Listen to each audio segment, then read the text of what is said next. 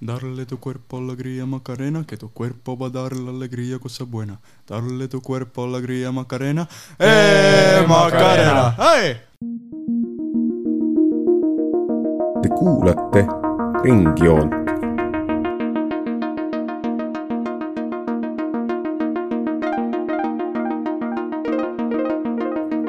joon ringis.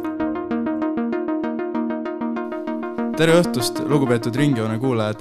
kui te arvate, et see on kõik, mis Lõuna-Ameerikal pakkuda on, siis täna te eksite, sest et me hakkame rääkima Brasiiliast ja selle vägevast presidentest Jair Bolsonarost.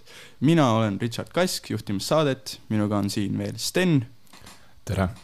ja Philipp tere, tere. ja muidugi puldis Harald. tere. nii, aga nagu juba räägitud, täna räägime Bolsonarost, räägime tema poliitikast, kuidas ta käitub vihmametsadega, Covidiga, miks rahvas teda ikkagi võrdlemisi palju armastab ja lõpus spekuleerime ka, mida toob aasta kaks tuhat kakskümmend kaks, kui toimuvad uued Brasiilia presidendivalimised. aga võib-olla alustuseks, Sten, räägiks meile natukene Jair Bolsonaro taustast, kes ta on, kust ta tuleb, mis ta teeb? Jair Bolsonaro, huvitav karakter. Tuleb siis äh, militaartaustaga nii-öelda kogukonnast, on ju, oma suure alguse ta sellest sai siis juba selle Brasiilia militaardiktatuuri ajal, kus, kus temal nii-öelda niisugune tähetõus äh, nii-öelda äh, toimus. Edaspidi siis äh, ta võttis suhteliselt sellise marginaalse kongressi inimese rolli äh,, suhteliselt fringe, suhteliselt sihuke mainstream'ist väljas, on ju. äh,, mõneti ka tema vaadete pärast, kui hiljem neid põhjalikumalt käsitleme. aga siis hiljemalt korruptsiooni ja kõigi nende süüdistuste tõttu tõusis Jair Bolsonaro Brasiilia poliitika nii-öelda prominentsi ja siis kaks tuhat kaheksateist aastal äh, valiti ta presidendiks. suur äh, teema tema platvormis oli siis äh, korruptsioonivastasus, teda näha, nähti nii-öelda selline karakter, kes äh, tuleb, lööb korra majja, mis on nii-öelda tagasivise tema äh, nii-öelda sõjaväe taustale, on ju.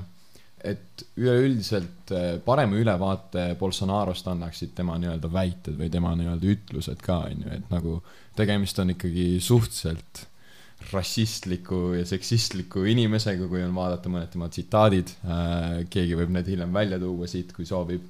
Aga üleüldiselt selline on see karakter, Jair Bolsonaro. võib-olla üks mahlakas tsitaat siia vahele. nimelt kaks tuhat kolm aastal ütles ta siis ühele naissoost kongressikaaslasele, kes siis nimetas teda vägistajaks, ütles vastu, et "Eh, ma ei vägistaks sind kunagi, sest sa ei vääri seda. aga võib-olla pisut veel sellest tema võimule saamisest. Philip, võib-olla oskad kommenteerida seda siis korruptsiooni, millega seoti ära varasem valitsus, varasem võim, Delma Rousseff oli vist ta nimi, kui ma ei eksi no Brasiilias on tegelikult probleem olnud kogu aeg korruptsiooniga. ei ole väga olnud äh, sellist aega või ajastut, kus seda ei oleks olnud, aga lihtsalt see nõndanimetatud car wash scandal oli nagu eriti äh, õudne, sellepärast et seda ei eeldatud ka töölispartei juhilt ja tema parteilt, et äh, nad peaksid ju kaitsma kõige nõrgemaid, aga tuleb välja, et nad äh, lobistidelt said palju raha ja ka muidu, et siin me räägime ikkagi nagu miljonitest, miljonitest, sadadest nagu miljonitest äh, dollaritest, et see ei olnud üldse väike summa, et ja, ja rahvas pettus, et just selline nii-öelda väikse inimese eest võitlev grupp on niimoodi oma rahva tagant vali-, varastanud, et see ei mõjunud üldse siis äh, hästi enam töölisparteile uutel valimistel. Ja eks äh, siin on rolli mänginud ka tõesti äh, nii majanduslik äh, äh, langus seal kahe tuhande neljateistkümnenda aasta paiku, kui veel Lula vist oli president, siis täpsustus, Lula lõpetas oma presidendi äh, karjääri siis kaks tuhat kümme aastal. no siis juba algas varem vist, see see on juba kahe tuhande kaheksandaga vist nagu järelmäng ja nii edasi, et äh, ja, ja see jätkus ja sellega nagu ei suudetud väga kuidagi hakkama saada. ja praegu on ikkagi suur äh, osa brasiillasi töötud äh,. samuti on äh, kuritegevus ainult kasvanud ja, ja sellega ei olda rahul. küsimus on siin nii relva kandmises äh, politseijõus, samas äh, huvitaval kombel Bolsonaro just esindab tugevamat politseid, öeldes, et see on ainuke viis äh, äh, lahti saada kuritegevusest. et on aru saada, miks äh, inimesed nii-öelda tema taha koonduvad, et selline, üks asi on siis majandus, aga, aga ka nii-öelda poliitiline siis legitiimsus on nii-öelda kahtluse all hetkel. ja tema ju esindab sellist nii-öelda, nii nagu Trumpki, kuskilt äh, väljastpoolt poliitilisi sfääri tulnud inimest, et vähemalt niimoodi ta ennast üritab äh, esi-, esitada, äh, kasutab nii-öelda lihtsamehe keelt, ütleb, mis on keelel, ehk siis rassistlikku ksenofoobiat teksti. Ähm, näiteks, mis ta siin veel ütles, ta ütles näiteks, et afrobrasiillased ei ole isegi mitte nii-öelda järelkasvu tekitamises head et Nad ei ole selleks isegi millekski, nad ei ole võimelised. isegi selleks võimelised, et nad ei ole, et nad ei ole millekski võimelised. et ähm, nii-öelda LGBT kohta ütles ta sellise lause, et mitte meie ei peaks neid respekteerima, vaid nemad peaksid meid respekteerima Äh, ja, ja ta on üldse nagu suutnud ikka huvitavaid asju öelda ja need paratamatult on talle pigem hoopis tekitanud rohkem poolehoidu. et, et sest suureks teemaks on tõesti kriminaalsus praegu ja sellest jagusaamine jaa, nagu väga, väga hea parala-, paralleel, nagu sa välja tõid äh,, oli siis nii-öelda Trumpiga, on ju, et see just nagu Trumpi presidentsuse ajal võrreldi ka teda, on ju, meeletult äh, temaga, on ju, nagu väga retooriliselt kõige sarnane, samuti parem populist, on ju, sihuke võib-olla isegi neofašist mõni võib nimetada, on ju. aga nagu jah, täpselt, on ju, et see suureks, suureks katalüsaatoriks võikski olla see luulajärgne töölispartei nii-öelda ebakompetentsus, korruptsioon, et nagu väga hea on mõelda selle nii-öelda eksemplaarist, selle eksemplaariks on äh, kahe tuhande neljateistkümnenda aasta nii-öelda äh, World Cup. Äh, kõik need suured staadionid, mis renoveeriti sellise väga kahtlase musta raha abil ja, ja noh, üleüldine majanduslik langus, mis tuli siis nii-öelda sellise nagu nimetatud võib-olla commodity buumi järgses faasis. ja no ta toobki selle, mi-, millest on populaarsus paljud seisneb, võtaks veel kokku, et ta toob nagu asja koju. ehk siis, kui varasemalt usuti ka, et mm, valitsus jälgib liiga palju rahvusvahelisi juhiseid, mida teised riigid tahavad, et siis tema toob selle võimu tagasi koju brasiillaste kätte justkui ja sealt tegelikult saab liikuda edasi ka järgmise teema juurde, milleks võiks võtta Amazonase vihmametsad. Bolsonaro räägib noh, põhimõtteliselt miks eh, valijad teda toetavad selles osas, oli see, et varasemad valitsused eh, siis liitusid rahvusvaheliste kokkulepetega, millega nõustuti põhimõtteliselt seda loodusreservaari hoidma ja neid juurde tekitama. aga nüüd siis tema ütles, et see ei ole õige, et eh, teised saavad meie eest otsustada, me peaksime laskma oma Brasiilia rahval ka rikkaks saada ja, ja mis õigust on üldse öelda teistel kes tulevad väljaspoolt, kellel on juba kogu mets maha võetud kuskil Lääne-Euroopas, et kuidas nad võivad seda teha. tahaksite rääkida võib-olla meile Jaa. veel pisut? et äh, kusjuures huvitav selle juures on see, et kui alates siis kaheksakümne viiendast aastast, ega enne ka ju ei suhtutud hästi, et me näeme tegelikult suuri paralleele siin ja mingil määral äh, Bolsonaro üritab end ka legitimiseerida läbi äh, vana militaardiktatuuri, mis oli kuuekümnendate algusest kuni kaheksakümne viienda aastani.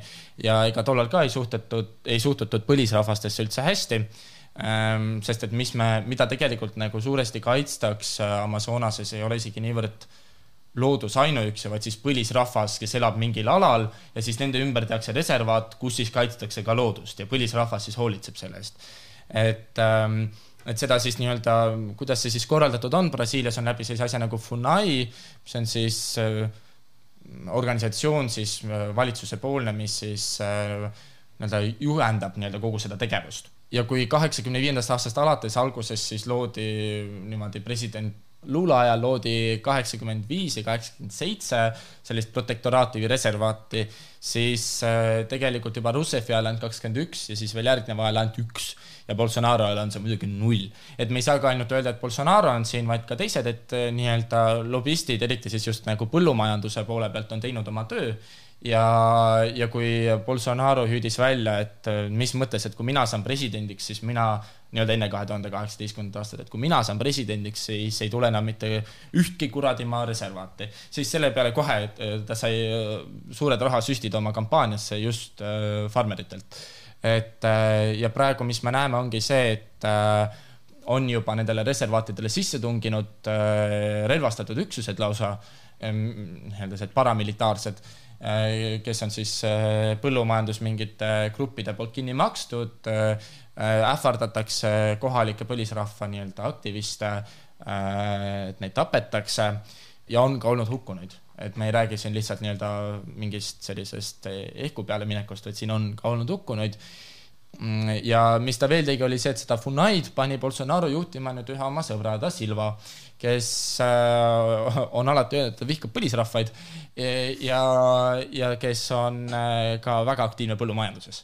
Ehk siis ta nii-öelda täiesti, sa ole, sa oleks justkui RMK-d Eestis juhiks keegi, kellele ei meeldi metsad ja kes tahab, et metsad langeksid, justkui.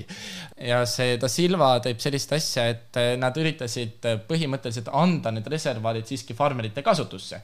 mis aga õnneks, siin peab ütlema, muidu oleks arvatavasti Brasiilia juba ammu nii-öelda kuskile ära lennanud, eh, on see, et on siiski olemas veel rahvuskongress, on olemas erinevad muud institutsioonid kohtusüsteem ja neid ei ole veel nii-öelda siis äh, parempopulistid enda alla saanud, et Bolsonaro toetajad, mistõttu nad on ikkagi päris mitmeid asju vetostanud, annulleerinud, äh, kehtetuks tunnistanud ja, ja nii ka siin, et öeldigi, et Funai tegevus ei vasta Funai programmiga, lihtsalt ei lähe kokku.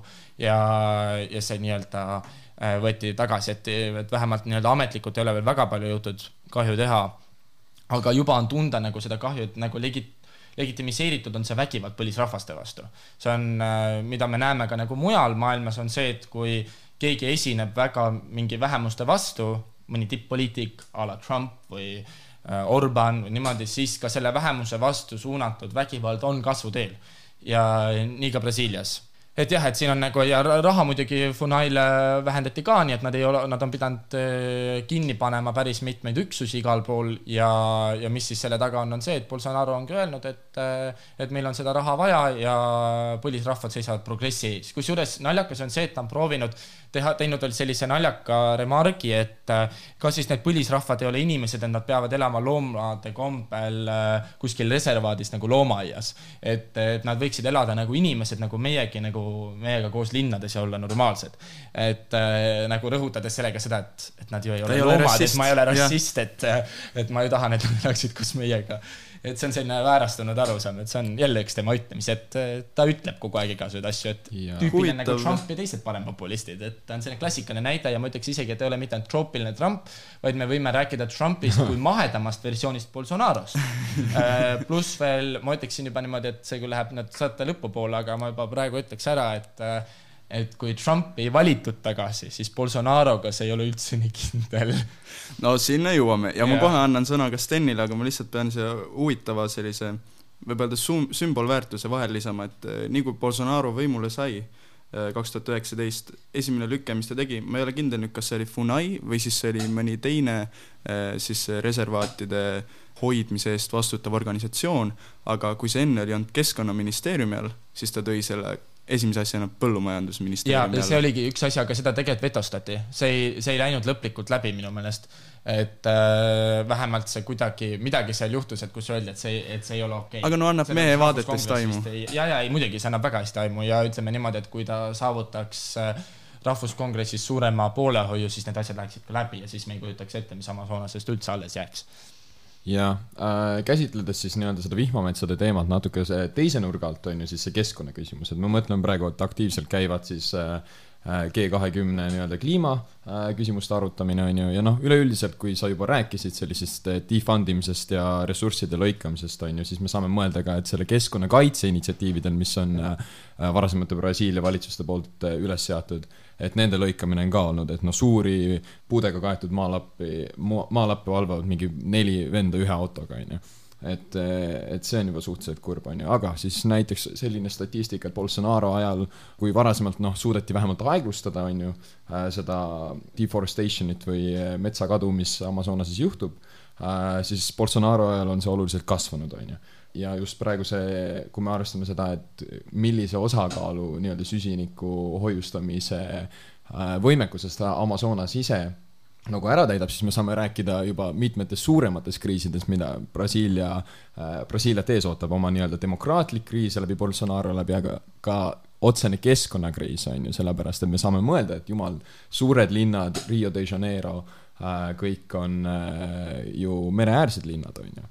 ja me teame, et äh, nende metsade kadudega kaasnevad nii-öelda soojenemiste käigus äh, on just äh, vaesemad riigid nagu Brasiilia kõige enam ohustatud, on ju, ehk siis äh, veel nii-öelda sellistel lühiajalistel probleemidel on ka Bolsonaro äh, valitsusel sellised otsesed väga regressiivsed pikaajalised mõjud.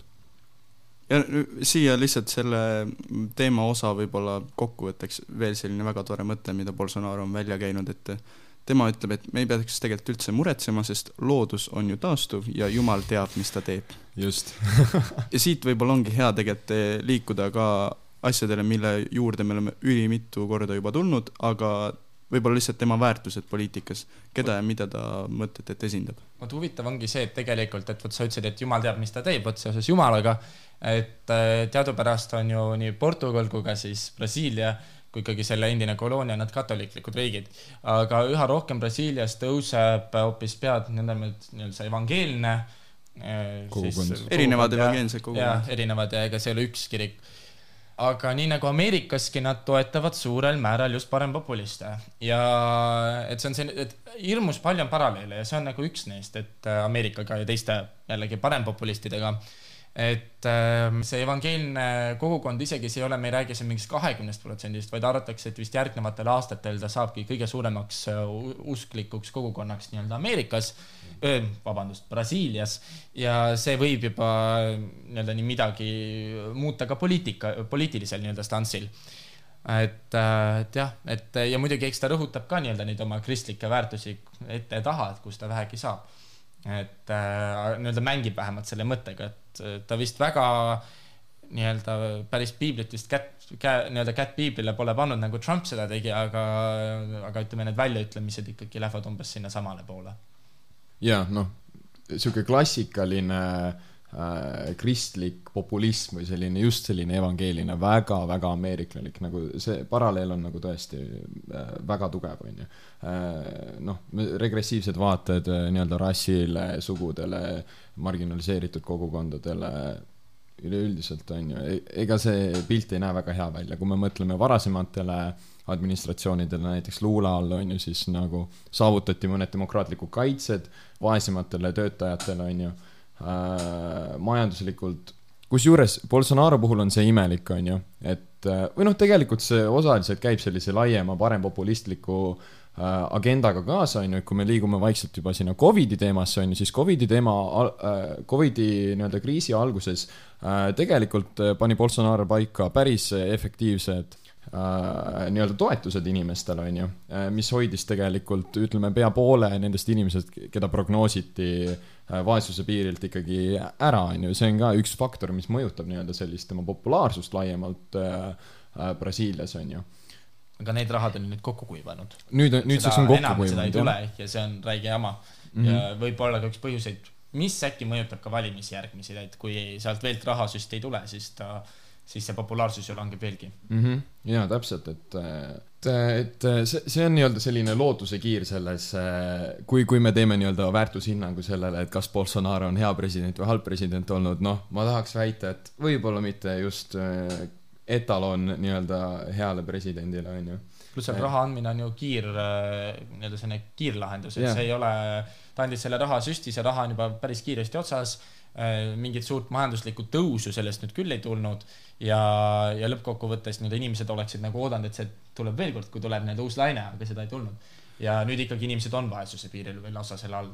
aga samas ma jällegi öö, vaatasin ühte raportit, kus öeldi, et põhimõtteliselt öö, tänu sellele need prognoosid ikkagi on praegu või noh, prognoosid ja reaalsus, siis see reaalsus kujunes palju leebemaks, et tegelikult päris suure osa inimesi ta suutis ka päästa nende majandussüstidega ja nad nagu, nad ei ole siiamaani sinna tagasi kukku-, noh, nad kardetavasti kukuvad, aga nad seda ei ole siiani teinud see number oli kuskil vist sealkandis, et umbes äh, Covidi eelses faasis ja järgses faasis oli kuskil isegi miljon inimest välja tõstetud sellisest vaesuse määrast, on ju. nii et nagu see tegelikult näitab seda, et okei okay,, rahasüstid pikemas perspektiivis, kui see on ühekordne, jah, on, on tegemist problemaatilise poliitikaga, aga kui me saame mõelda nagu laiemalt, milline on äh, Brasiilia nii-öelda tõ- minevik selliste raha süstivate poliitikate ja sellise suhteliselt progressiivse majanduspoliitikaga, siis me saame mõeldagi, et ühe ajaloo kõige popu- populaarsema või seal see kõige populaarsema presidendi peale on ju, kes äh, ka nüüd tuleviku kaks tuhat kakskümmend kaks äh, valimistel tema vastu äh, läheb, on Lula. Ja siis te- tema nii-öelda Bolsa Familia programm on ju, mis oli oma, oma, mis tänaseni kestab, mida kõik äh, hilisemad presidendid on ka tahtnud enda omaks nimetada või ühesõnaga omastada selle endale, sellepärast et see on tegelikult väga-väga edukas programm olnud, on ju, et äh, see aeg, kui see programm on olnud kuni kaheteistkümnenda viie, kahe tuhande viieteistkümnenda aastani, see programm saavutas äh, kolm, absoluutse vaesuse kolmeteist protsendi languse kolmele protsendile, on ju. Et sellised raha süstimispoliitikad tegelikult on olnud Brasiilias varem efektiivsed ja jätkuvalt on edu, edukad olnud.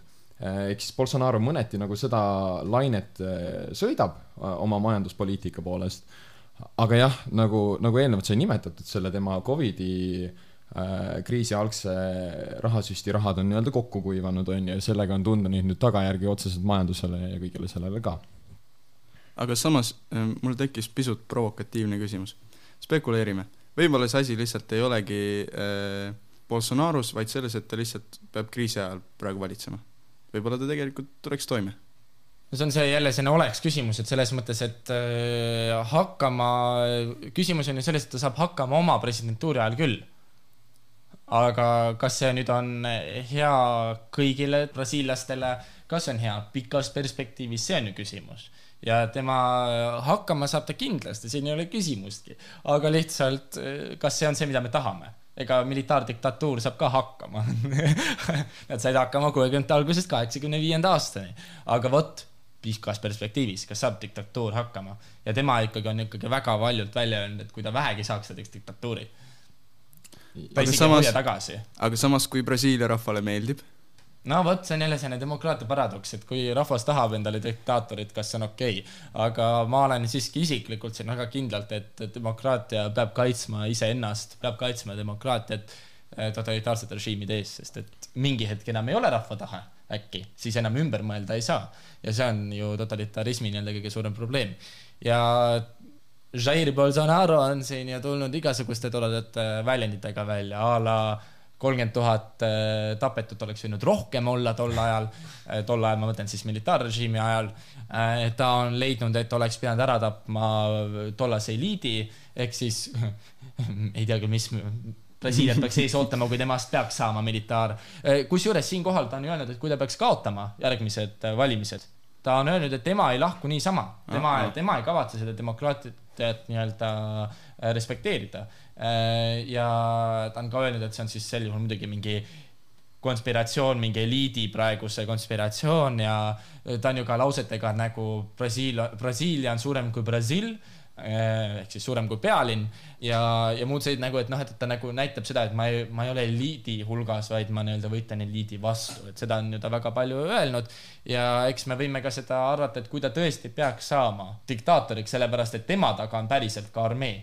Eh, USA-s armee ja politsei ei olnud nagu, nagu niivõrd Trumpi taga, aga mis juhtub siis, kui äh, Brasiilias peaks midagi sarnast juhtuma, neil on ajalugu, terves Ladina-Ameerikas on nii- nii-öelda ette näidata kümneid ja kümneid ja kümneid näiteid, kuidas tehti kuudetaasid läbi militaaroperatsioonide, nii et, et äh, ja Brasiilias endas samamoodi, et selle vähe ah,, kusjuures järgmine aasta nad saavad minu meelest kakssada aastat vanaks ju, Brasiilia, kas nad mm. mitte tuhat kaheksasada kakskümmend kaks ei saanud iseseisvuse.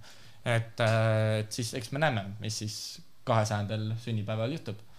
jaa, just, et äh, see nii-öelda antidemokraatlik tendents, mis Bolsonaro'l on, on ju, noh, isegi ta väljendas siin nagu väga lähiajal, on ju, kaks tuhat kakskümmend üks juulis väljendas, et järgmise aasta valimised peavad olema puhtad. et kas meil on puhtad valimised äh, või meil ei ole valimisi, on ju, ehk siis järgmine aasta läheb kindlasti olukord väga põnevaks, on ju, sellepärast äh, kindlasti võiks follow-up'i teha sellele vestlusele, mis meil siin on järgmine aasta, on ju. Aga laiemalt nojah, selline demokraatia küsimus on ju, et mulle ikka tundub, et äh, Brasiilial on piisavalt tugev demokraatlik äh, ajalugu või kogemus, on ju, et no muidugi oleneb nende institutsioonide tugevusest, on ju, kui sa rääkisid siin kongressi võimekusest nii-öelda tagasi hoida nii Bolsonaro neid äh, hullemaid plaane on ju, siis äh, lootust on ja ma arvan, et Brasiilia rahva seas on lootust, sellepärast et see populaarsus on ikkagi nüüd nagu kindlasti kõikumas ja me peame arvestama seda ka, et äh, kuivõrd populaarne, noh, tõesti Brasiilia ajaloo kõige populaarsem äh, president Lula äh, läheb tema vastu järgmiste aasta valimistes, on ju äh,. aga jällegi, siis sõjaväevõim on tema taga, et äh, ei ole ennekuulmatu, et Ladina-Ameerikas äh, populaarseid vasakpoolseid valitsusi kukutatakse sõjaväevõimuga, kindlasti võib mõelda sellele, et milline tuleb USA roll selles küsimuses, on ju äh,. aga ma ütleks, et lootust on, et äh, ei maksa veel vaikselt pimedasse öösse jalutada. ma ütleks, et paneme konkreetsed spekulatsioonid ka lõpus paika, aga kõigepealt natukene, kui me juba siin rääkisime sellest, et Bolsonaro tõesti on rahvamees äh,, otsige üles ägedad pildid, kus ta viskab rahvale näppu, aga ühesõnaga, tema toetus tugineb äh,, tema edu tugineb suuresti sellele, et kui hästi praegu rahvas teda armastab. Covidi tõttu rahvas teda enam nii väga ei armasta. on räägitud, et Brasiilias toimub genotsiid, brasiillaste genotsiid, mida teostatakse läbi Covidi. oskate kommenteerida seda natukene? no genotsiid see ei saa lihtsalt olla sellepärast, et ega nüüd äh, Ei no lihtsalt väljendina.. ja ma saan aru, et see on väljend, aga noh, lihtsalt ütleme siis, et see ei ole tahtlik tapmine, see ka ei ole see genotsiid, et ma nüüd nii palju, kuna see ei ole otseselt mingi grupi vastu suunatud, ega selle äh, Covidiga surevad ju ka paljud, võib-olla ka Bolsonaro toetajad ja Bolsonaro'l see siiski positiivne ei ole, tal siiski peab veel valimised võitma, siis äh, ei ole, ma arvan, et see otseselt nagu tahtlik võib-olla selles mõttes, aga pigem see on tahtmatus midagi teha. noh, ja seal ikkagi on surnud, mis see number oli, kuussada tuhat või? kuussada tuhat, jah. et, et see ei ole ju ikkagi päris normaalne, muidugi me räägime hiiglaslikust riigist ka, ehk siis numbrid on suuremad. Eesti kontekstis see oleks üle poole Eesti, aga sealtselt muidugi siis see ei ole päris nii. aga see on siiski hirmus suur number ja vist mingis videos ma mäletan kunagi uudistes või kuskil üks naisterahvas ütles, et tal on terve perekond ära surnud, no et see on ikka päris räige ja jah, et siin on nagu huvitav, et, et kui rääkida nüüd nagu sellest toetusest, siis ega äh, me ju näeme seda igal pool, et äh, need nii-öelda die-hard toetajad, kes nii-öelda toetavad ükskõik mida ka Bolsonaro ei ütle, ega neid see absoluutselt ei huvita. ja me võime ka olla üsna veendunud, et ka Brasiilias on samamoodi anti-vaxxerite grupid äh, äh, lihtsalt sellised nii-öelda grupid, kes ei leia, et see on üldse nagu, et see probleem on üldse olemas. et neid on seal ka päris palju, et me ei saa neid ka nagu kõrvale jätta. No selle grupi hulgas, kes äh, leiavad, et probleemi tegelikult ei ole, on muidugi Bolsonaro ise ka, kes on muidugi. öelnud mitmel juhul, et noh, mis ta enda näitel tõi midagi sellist välja, et äh, tugevad spordipoisid nagu tema, kellel on noh, spordi tegemise ajalugu, nemad, nemad ei pea Covidi pärast muretsema, muidugi see oli enne seda, kui ta ise jäi Covidi haigeks. Vaktsiin, on ta aga öelnud, et vaks-, et tema on viimane inimene äh, Brasiilias, kes end vaktsineerib äh, ja maskide vastu on tal sarnane crusade olnud nii-öelda, aga vaieldes siis natukene vastu sellele, et äh, kas tegu on genotsiidiga või mitte, me saame mõelda sellele, et milliseid piirkondi ta kõige rohkem mõjutab, on ju. et kui me räägime genotsiidi definitsioonist, see ei tähenda ainult seda, et see on otsene tapmine, tahtlik või mitte, vaid see on nagu tingimuste äh, loomine, milles ei ole inimelul võimalik äh, nii-öelda olla, on ju, ja siis kõige enam äh, neid piirkondasid muidugi mõjutavad need Amazonase lähedused just selliste vähemusrahvuste, põlisrahvaste kogukonnad on ju, kus on, ongi esinenud need peamised hapniku puudumised, kui Covidi vastu, mis Covidi vastu võitlemiseks vajalikud on ja muidugi see statistika on üüratu, on ju, kuussada tuhat on ju, kui me räägime maailmaskaalal, siis ainult halvema tulemuse on teinud vist USA absoluutsurmade nurm-, numbrites on ju. et nagu tegelikult olukord on kahtlane ja tema kohta seda teemat praegu uuritakse vist äh, siin lähipäevadel on tulnud ka välja resolutsioon, kas see oli siis äh, selle kongressi enda poolt või nii-öelda uurimine, mis mm -hmm. nagu mis päris otseselt nimetabki seda nii-öelda kas siis neglect või noh, siis äh, või siis otsesemalt ongi selline tahtlik onju, muidugi on keeruline ära tajuda seda onju, et kus see piir läheb. kus see piir läheb täpselt onju, aga, aga ütleme niimoodi, et see genotsiidi sõna kasutamine ei ole täiesti laua pealt ära. Ja on veel kasutatud mõtet, et eh, no praegu ta tegelikult käibki kohut ja teda süüdistatakse siis eh, tegevuses eh, inimsusevastased kuriteod, crimes against humanity ja, ja tegelikult selle ehe näide ikkagi on see, et noh, minu hinnangul ja eks kuulajad saavad ise oma hinnangud anda, aga kui sa, sulle pakutakse seitsekümmend tuhat doosi vaktsiini ja sa ütled, et ei, ma ei võta seda oma Mhm. riiki, see midagi ikkagi näitab meie kohta ja tegelikult nüüd selle koroona mõjul äh, jah, kui ta neid toetusi alguses jagas, populaarsus läks kõrgele, aga nüüd, kui ma vaatasin, siis viimase kas see oli äkki augusti või juuli statistika ütleb, et tema toetus on ainult kolmkümmend protsenti. ja tõesti vaadatakse selle luula poole. veel pisut siia siis sekka üks teema, mida me ei ole üldse puudutanud, väga kuum teema on ka see, mis puudutab kuritegevust, politseiriiki ja veel lisanüansina, mille võiks kindlasti välja tuua, on see, et Bolsonaro on siis asunud äh, toetama seadust, mida küll nüüd vist kongress äh, äh, ütles, et ei, ei, ei, toetame seadust, mille järgi tavainimestel lihtsustub relvade hankimine. võib-olla Sten avab seda meile?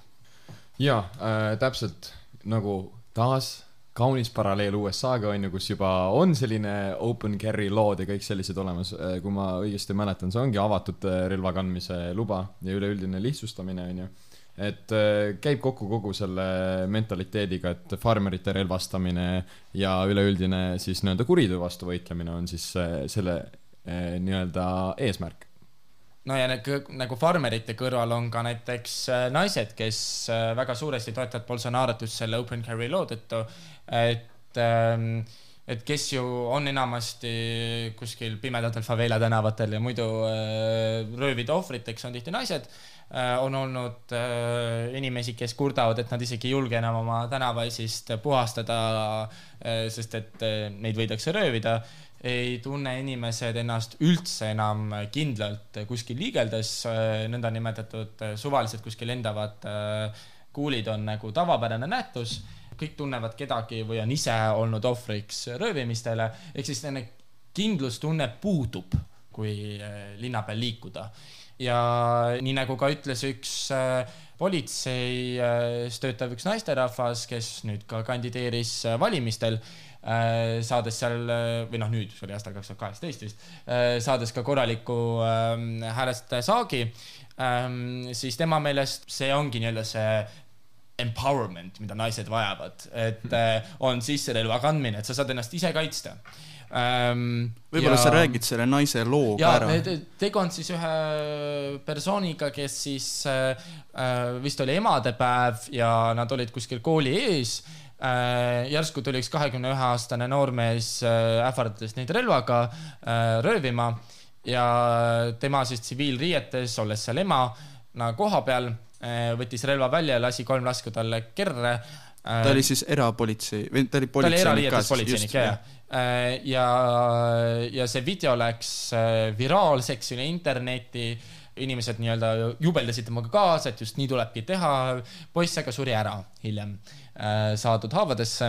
perekond on nõudnud ka kahjutasu selle eest, et seda videot sellest poisist suremas mis on üsna mittehumaanne asi, mida vaadata, on siis lausa olnud selle Äh, poliitiku, nüüd siis poliitiku äh, valimiskampaania videos kasutatud. Ja see on nagu päris kahtlane asi, mida teha ja mitte ainult nii-öelda naistele ei taheta ju relvi anda, vaid siis põhimõtteliselt kõikidele, aga ma ei kujuta ettegi, mis võiks juhtuda nõndanimetatud nendes geto tüüpi faveelades, kui kõik seal saavad relvad kätte et äh, juba praegu sureb vist aastas, ma ei mäleta, mis need, need on nii kohutavalt suured numbrid, et need ei jää meelde.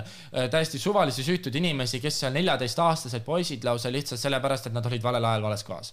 ja tegu on siis nii-öelda üritusega, kus nii nagu ka samamoodi parempoolne, ega siin võib jälle paralleele tuua näiteks hoopis Dutertiga Filipiinidel, et kes ju samamoodi äh, nii-öelda on üritanud Äh, narkoärikatega siis hakkama saada sellega, et ta on suurendanud ka politsei ja armee võimu. Ehk siis politsei ja armee töötajate seas on ta tegelikult äärmiselt populaarne, sellepärast et nüüd ütleme, eks, et sa oled nüüd politseis, lased maha kogemata neljateistaastase poisi või noh, poolkogemata või jah, kuidas iganes seda nii-öelda klassifitseerida. juhtumisi äh,. juhtumisi, äh, sellepärast et ta nägi kahtlane välja vink-vink, ta oli tumedama nahaga kui ta ise. Äh, see on ka Brasiilias probleem, afrobrasiillased näiteks on ju suur äh, vähemus.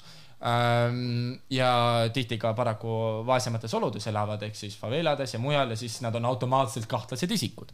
Äh, näiteks lastakse maha, siis kui vanasti veel näiteks kümme aastat tagasi, vanasti, oleks see veel olnud võib-olla sellele politseinikule probleem ja ta oleks võinud töö kaotada, siis äh, nüüd on selline karistamatuse tunne, mis tähendab ka muidugi seda, et ega nad enam väga ei vaata ka.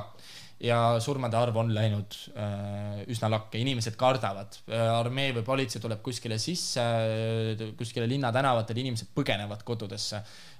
et, et jumala pärast mitte kogemata olla seal mingi asja ees ja see on nagu selline, et, et me võime rääkida nii-öelda samas huvitaval kombel, et kuigi me näeme seda seal, siis äh, ametlike andmete järgi, kui on näiteks küsitud, tehtud küsitlusi, et, äh, et mis riiklikku institutsiooni rahvas toetab, siis äh, põhimõtteliselt ainuke asi, mida toetab nagu umbes kaheksakümmend protsenti inimestest, see on küll alla läinud äh, viimasel ajal, aga mitte nagu oluliselt äh,. nagu üld, nagu ütleme, et kõik institutsioonide vastu vastu olev usaldus on läinud alla. mitte ühegi oma ei ole tõusnud, aga armee oma on olnud seal kaheksakümne protsendi juures, äärmiselt kõrge protsent ja, ja ta on langenud ainult sinna võib-olla mingi seitsmekümne millegi juurde. et äh, samas näiteks ütleme, kohtuinstantsid on natukene üle kuuekümne langenud sinna alla kuuekümne ja kongress on üldse kõvasti madalam, aga kusjuures presidentuuri oma ei ole ka nüüd räme kõrgel, ta oli kõrgemal kui armee lausa seal mõned aastad tagasi, aga ta on eh, ikkagi langenud kõvasti, seda küll pigem selle car wash'i skandaali tõttu, et seda nii-öelda on näha sellest langustrendist, et see oli nagu see kõige suurem löök. aga Bolsonaro ei ole suutnud äh, usaldust äh, siiski selle nii-öelda ameti, presidendi ameti vastu väga-väga tõsta, mis võib-olla siis mängib ka kaasa järgmistel valimistel, võib olla huvitav selline kurb reaalsus võib-olla Brasiilia politseiga ongi see, et nad ei ole efektiivsed või noh, kas puudub tahe siis sellise flaveelade, flaveelades korra hoidmine ja loomine on ju, aga väga entusiastlikud on nad näiteks protesti, protestijate mahasurumises on ju, et me saamegi mõelda sellele, et äh, Bolsonaro vastased äh, nii-öelda protestid on saanud väga tugeva vägivaldse reaktsiooni politseilt on ju. kindlasti saab seda nüüd mõelda ka tuleviku peale on ju, et äh, ees ootav valitsus, ees ootavad üldvalimised et sealsed protestid, counterprotestid, et kui politsei on selgesti meelestatud Bolsonaro poolt, on ju, et seal tuleb ka kindlasti konflikti koht. ehk siis väga raske on äh, ennustada väga positiivset äh, nägemust siin lähipiirkonnas, vähemalt äh, brasiillaste ja politsei vahelistes suhetes. aga eks me näe. eks me näe tõesti, praegu on iga päev haarangud, praegu on politseiriik, aga nüüd võiks arutada, mis saab siis edasi tulevikus mida teie näete kaks tuhat kakskümmend kaks, kui tulevad valimised? mis saab Brasiiliast, mis saab Bolsonarost? on toodud tugevaid analoogia siin USA-ga, ma arvan, et suuresti äh, siinkohal see ka kehtib äh,. muidugi Joe Biden äh,, kui me mõtleme Trumpi juhtumil ja see mitte rahulikult lahkumine, oli oluliselt vähem populaarne kui Lula äh,. aga siiski ka sellise traditsiooniga, noh, Lula iseenesest on ka tegelikult suhteliselt populist, muidugi vasakpopulist, on ju aga me saame rääkida sellest, et mida Lula saavutas oma valitsuse ajal. ehk siis viiekordne majanduskasv sellest ajast, kui tema valitsuse võttis ja äh, kui lahkus äh,. siis see absoluutse vähe, vaesuse vähendamise määr, siis me saame rääkida, et sellest, et äh, pea kolmkümmend protsenti vähenes üleüldine vaesus ebavõrdsuse vähenemine, Brasiilia on üks maailma kõige ebavõrdsemaid riike et siis selle vähenemine oli ka märgatav Lula presidentsuse ajal oli pea kakskümmend viis protsenti vist. ja konkreetselt Lula on väga tugev kandidaat, keda vastu panna, tal on selline väga populaarne minevik, ta esindab oma töölisparteid, ta oli üks nendest alustajatest, äh, Labour Union leader nii-öelda. Ja selles suhtes tegemist on väga populaarse karakteriga, samas Bolsonaro lähiajal on langenud oma populaarsus, aga ikkagi püsib mina, kui ma spekuleerima peaksin, on see, et äh, Lula võidab need valimised, määrasid ei julge ennustada, aga kuna Bolsonaro on öelnud, et ta rahulikult ei lahku, on kindlasti oodata, kui mitte vägivaldset konflikti otseselt, siis äh, kindlasti suuri äh, meeleavaldusi, proteste, ühesõnaga rahulikult tema kindlasti ei lahku võimult. aga kui suurt probleemi võib hakata põhjustama siin see vasakpoolsete korruptsioonisüüdistused, kui palju rolli võiks mängida siis need farmerid Amazonases, kellelt, kes kardavad siis ilmselt seda, et nad jälle jäävad oma vabadustest seal möllata ja metsa maha võtta ilma? Mm, selles mõttes, et Lulat ennast on ju ka süüdistatud korruptsioonis. ja ma just teda mõtlesingi. et, et selles mõttes, et ta ei ole ka nagu päris puhas poiss tundub, et väga mitte keegi ei ole ja sellepärast ma arvan, et valijal ongi selline tunne, et et nagu mis, mis ma tegema pean. Ja kui olgem ausad, et suur osa valijaskonnast vaatab ka seda, et kellel on ägedam kampaania ja kes lubab rohkem, sellepärast populism võidabki. Ja kuidagi, et nähes ka, et igasugused tema väljaütlemised pigem nagu suurendavad tema populaarsust imelikul kombel siis ähm, oh, raske öelda, raske siin midagi nagu, mulle ei meeldi ka nagu iial nagu mingeid nagu selliseid äh, noh, niimoodi oletada, aga ma siiski ei välistaks üldsegi tema uuesti presidendiks saamist. ja, ja jah, nagu sa ütlesid, et äh, Sten, et äh, kui, kui ta ei peaks saama, siis ega ta nii-öelda, ega ta rahulikult ei lahku. et see on nagu kindel. kaks tuhat kakskümmend kaks saab olema põnev. saab olema tõesti põnev. aga mm, ma arvan, et nüüd võibki siin öelda abrigado, olge vuntsid, kaunist õhtut teile ja näeme Brasiilias